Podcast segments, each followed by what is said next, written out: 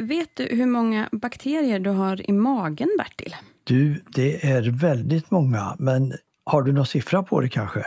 Ja, men faktiskt. Det är så många som 100 000 miljarder bakterier. Och bland dem så finns det sådana som hjälper din hälsa och så finns det sådana som skälper. Ja du, det är ju ofattbara mängder.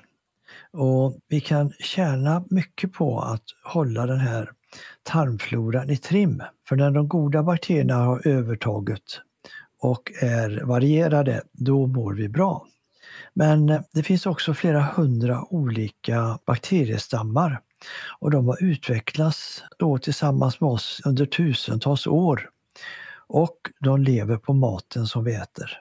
Ett problem som vi ser här är just att antalet bakteriestammar minskar i tarmen och det ger oss hälsoproblem.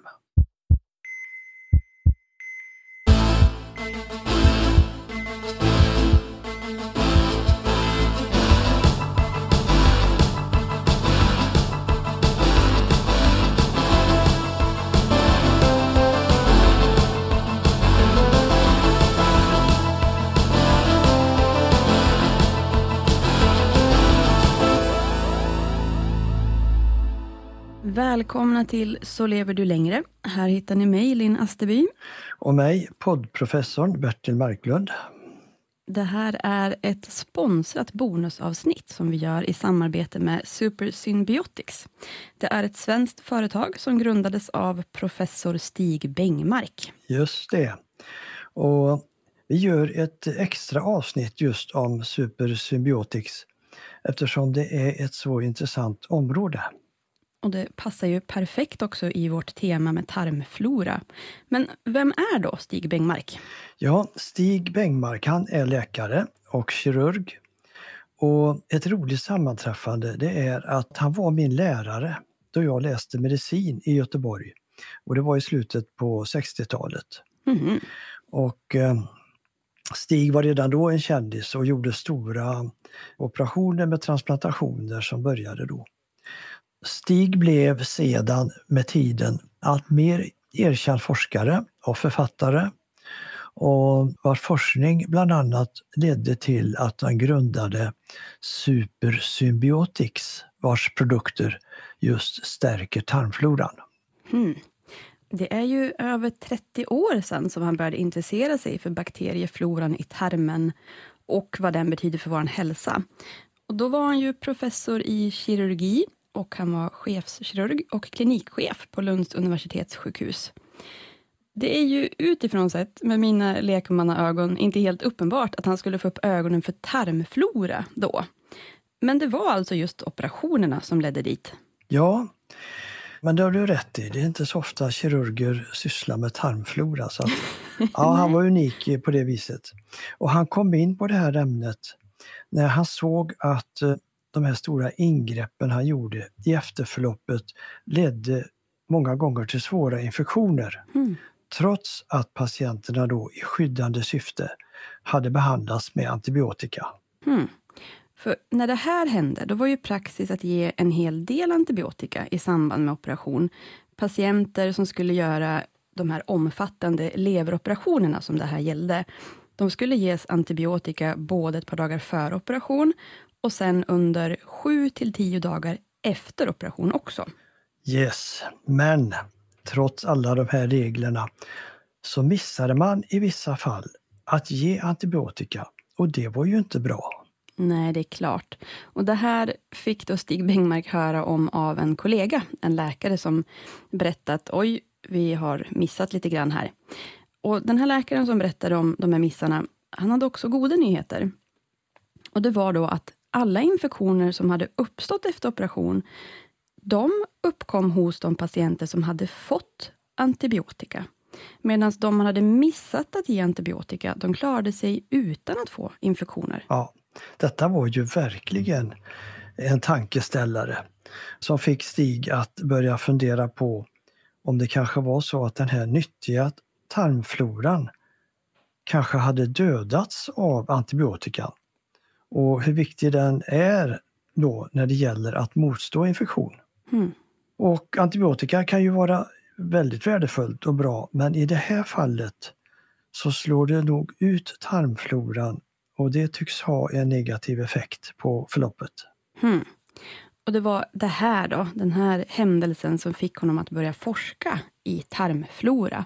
Det har han gjort under lång tid sedan dess och hans teori som han hade då, den har ju bekräftats sen av både hans egen forskning och av andras forskning. Ja, det har varit väldigt mycket forskning runt immunsystemet och det har visat sig då att 70 procent av immunsystemet, det sitter faktiskt i tarmen. Och det är ny, nya fynd. Och det gjorde att han fortsatte att forska inom det här fältet och började undersöka om man kunde återinföra de här goda tarmbakterierna på något bra sätt. Men alltså, jag måste bara få reagera lite här först på 70 procent.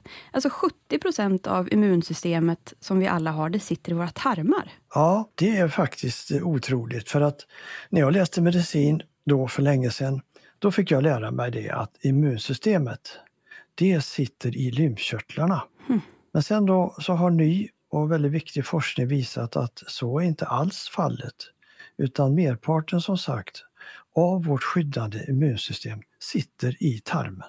Ja, det är ju otroligt häftigt att forskningen går framåt och att vi får lära oss mer om hur vi fungerar, även nu på senare tid helt enkelt. Ja, visst är det det. Och när man börjar tänka efter så är det ju helt logiskt att det är så här.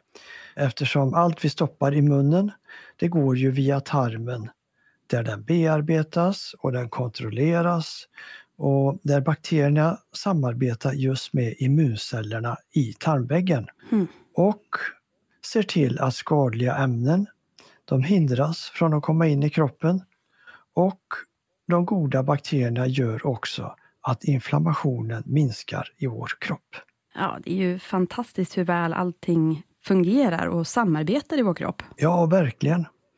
Och just att äta rätt, det är ett av de enklaste, snabbaste och mest effektiva sätten att förbättra sin tarmflora och just motverka inflammation. Hmm. Och på tal om häftiga siffror så läste jag att i våra magar så finns det över 100 000 miljarder bakterier. Ja du, det är några stycken. Blir inte det en biljon eller vad säger du? Ska jag göra matte nu också Bertil på morgonen? Så här? Ja, jag ville bara testa lite. Ja. ja, jag brukar vara snabb, men inte idag känner jag. Jag har inte hunnit dricka tillräckligt mycket kaffe än. Men alla dessa nollor av bakterier, man kan dela upp dem grovt i goda och dåliga bakterier. En liten förenkling, men ändå ganska värdefull i det här fallet. När de dåliga magbakterierna får majoritet i din mage, ja, då är din tarmflora i obalans. Och då undrar man ju, hur uppstår obalans egentligen? Ja, det finns eh, en del olika sätt, bland annat då dålig kost, skräpmat. Det kan vara för mycket stress. Det kan vara mediciner, till exempel antibiotika som vi har pratat om, men också en rad olika slags värktabletter. Det kan vara brist på motion, det spelar roll.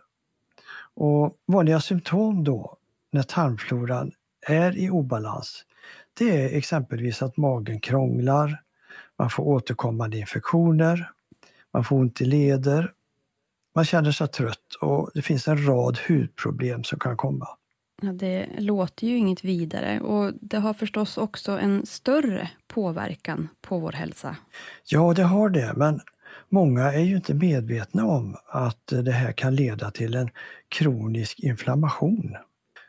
Eftersom man inte vet om det här så kan man ha de här symptomen också utan att förstå varför. Och som vi pratat om så ofta i den här podden så är det just den här kroniska inflammationen som är en vanlig orsak till flera av våra vanligaste folksjukdomar. Ja, det är ju läskigt att man inte alltid vet om det själv heller. Och tvärtom då, om man vänder på det här, när tarmfloran är i balans, då mår vi ganska bra. Då hålls immunförsvaret i god form, inflammation motverkas och tarmens funktion får också hjälp på traven. Precis. Vi har verkligen mycket att vinna på att ha en tarmflora i balans. Men hur menar då Stig Bengmark att man kan boosta tarmfloran? Ja, hans lära Välj hälsa, den går ut på att du kan påverka din hälsa och eh, livslängd. Och Det som har stor betydelse det är ju då bland annat motion, att inte sitta still för mycket, stresskontrollen och som vi pratar om nu, hälsosam kost, inklusive symbiotik. Och det innebär då att man minskar risken för inflammation om man har kontroll på de här olika faktorerna. Men alla har förstås olika möjligheter. Så man får, som Stig Bengmark säger, välja hälsa på det sättet som passar var och en. Så att det blir en ny och sund livsstil. Det här låter ju likt mycket av det som vi pratar om i Så lever du längre. Ja, vi samsas väldigt bra om det här. Ja. Och vår utgångspunkt är ju att det är just vi själva som styr om vi vill åldras snabbt eller långsamt. Det är nämligen livsstilen som betyder mest då det gäller åldrandet och inte generna, vilket vi pratat om tidigare. Ja, det är värt att återkomma till många gånger det här. Och Det handlar ju då om att dämpa den här kroniska låggradiga inflammationen. Just det, den som tär på vår kropp dag ut och dag in. För att den kroniska inflammationen den är då en vanlig orsak till flera stora folksjukdomar som stroke, hjärtinfarkt, diabetes typ 2, cancer, demens och en rad andra sjukdomar. Mm, just det, en otrevlig lista det där.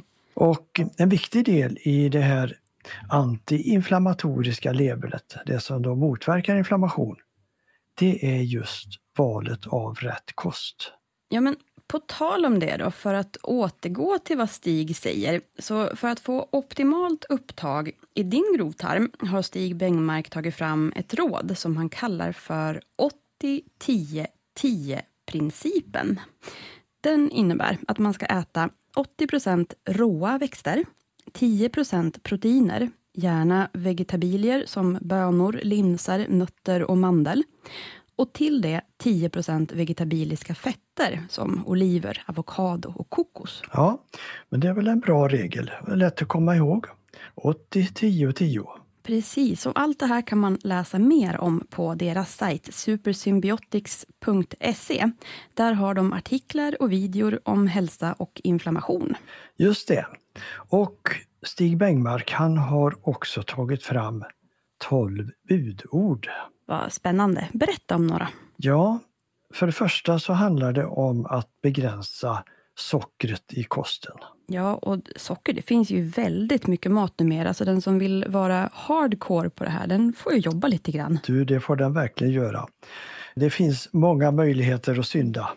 Men som sagt, det är bäst att se upp med sylten, marmeladen, brödet och inte minst läskedrycker och saft, för att ta några exempel.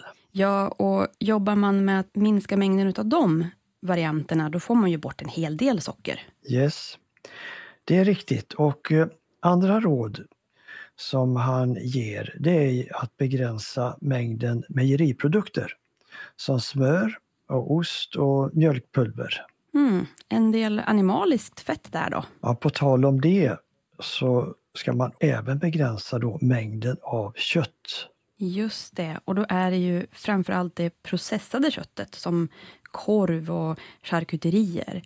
Och sen en gräns där på 300 gram i veckan. Precis. Korven den ligger längst ner på den här sämsta listan. Tyvärr för många tror jag. Och då man väljer kött, ja då ska man helst välja kött från gräsätande djur och vild fisk. Mm. Så djur som har ätit naturlig föda så att säga istället för att ha fått kraftfoder då kan man väl sammanfatta det med. Ja, precis. Då blir det ju också ganska dyrt kött och fisk och då tänker jag att det kan ju också hjälpa till då med att begränsa mängden man får i sig. Ja, men däremot så rekommenderar han då ät mängder med grönt. Ja, men och det gillar ju vi. Ja, det gör vi. Vi har många bra exempel på det. Hans budord det är gärna 800 gram om dagen eller mer med grönsaker. Mm. Och där då också att försöka tänka på att äta lite extra av de grönsaker som är rika på antioxidanter, växtfibrer och växtprotein. Och en variant som är rik på allihopa, det är ju exempelvis bönor. Ja, det är rätt. Och det gäller både då färska grönsaker, men det gäller också djupfrysta grönsaker. Ja, just det. Frysta grönsaker har ju också gott om antioxidanter faktiskt. Ja, de fryses ofta ner direkt när de är alldeles färska och eh, då är de ju som bäst jämfört med frukt och grönt som transporteras under flera veckor. Då tappar de en del av sin effekt där. Det där är lustigt, för det tror jag att många kanske inte tänker på. Nej. Att det skulle kunna rent av vara fördelar med frysta grönsaker. Ja, faktiskt. Ja, och då får man i sig massor med nyttiga och antiinflammatoriska ämnen. Mm. Och när man ska prata om dryck till det här då, så gärna te. Som puer, ett fermenterat kinesiskt te, och mate. Båda teerna är rika på koffein och antioxidanter. Och puer, det gillar jag. Jag har till och med ett årgångste hemma som jag köpte när jag var på semester i Asien. Och det här var väldigt eh, ceremoniellt att köpa det i den här butiken. Det var en riktig klassisk kinesisk tebutik som man gick in i. De bjöd på en liten teceremoni. Eh, vi kunde prata lite om te. Det var härligt nörderi som jag faktiskt aldrig upplevt tidigare. Och sen köpte jag då med en förpackning puer-te. Och det här det måste lagras i minst tio år till innan det är moget att drickas. Det är ju värre än när man lagrar vin faktiskt. Men okej, okay. Då får du göra det, så får du njuta av teet runt, vad blir det, 2030? Ja, någonting sånt blir det nog. Men det är också lite mysigt, för varje gång jag öppnar skåpet och ser det, så påminns jag om att, ja just ja, åh vad spännande, det här ska jag få prova om några år. Ja. Men däremot så har jag faktiskt aldrig provat matte. Och det ska jag ta och göra. Tetunna som jag ju bevisligen, som ni hör, är. Ja, men det är inget fel i det. För du får ju i dig många bra antioxidanter. Ja, och på tal om det så ingår ju också kryddor i de här budorden. Exempelvis gurkmeja, peppar och kryddnejlika. Ja, de innehåller faktiskt väldigt mycket antioxidanter. Det enda är ju att man inte kanske tömmer en burk med peppar, men man ska använda dem rikligt. Ja, lite grann här och där, många bäckar små. Just det.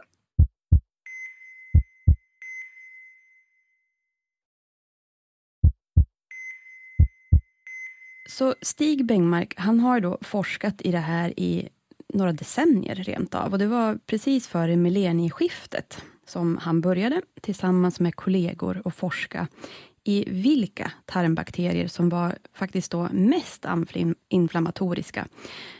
Vilka som hade störst effekt.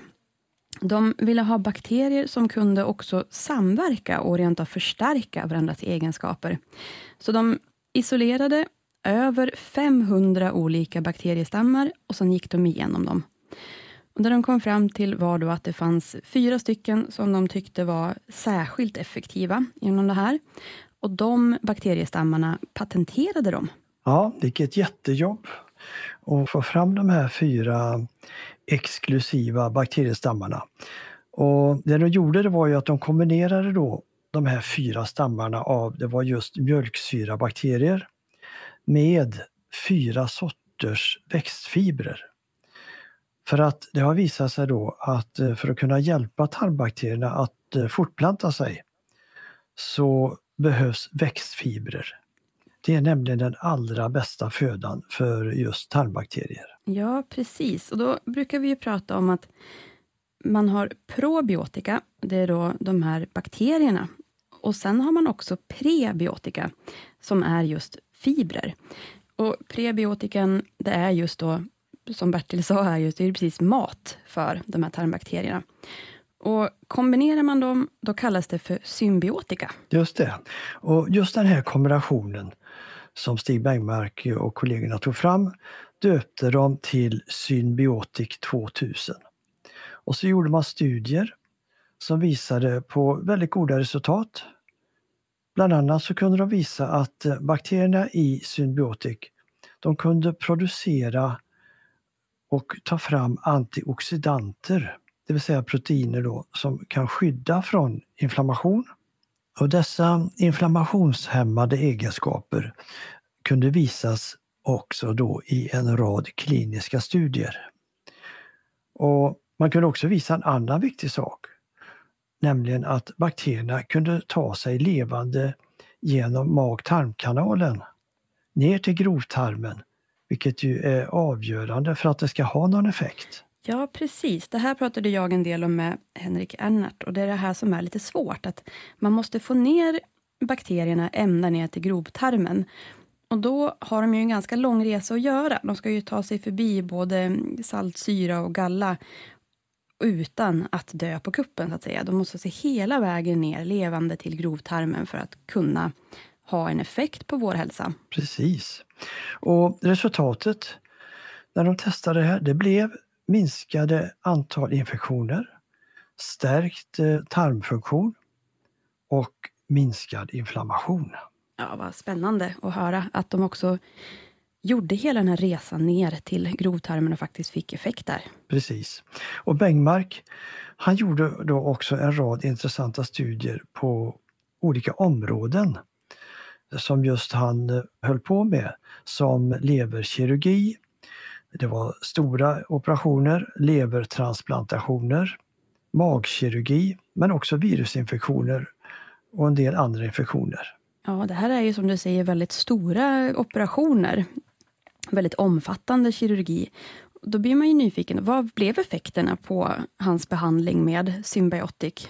Ja, en av de mest studerade och eh, bekräftade egenskaperna hos de här bakterierna i Symbiotic 2000, det var deras förmåga att förhindra och att minska förekomster av infektioner. Och I samband med stora operationer som organtransplantationer och eh, magoperationer med mera så är risken hög att drabbas av olika typer av infektioner efteråt. Och de kan få mycket allvarliga konsekvenser. Fanns det några ytterligare effekter av symbiotikan? Ja, faktiskt var det det. Och då handlade det om att tarmslemhinnan stärktes.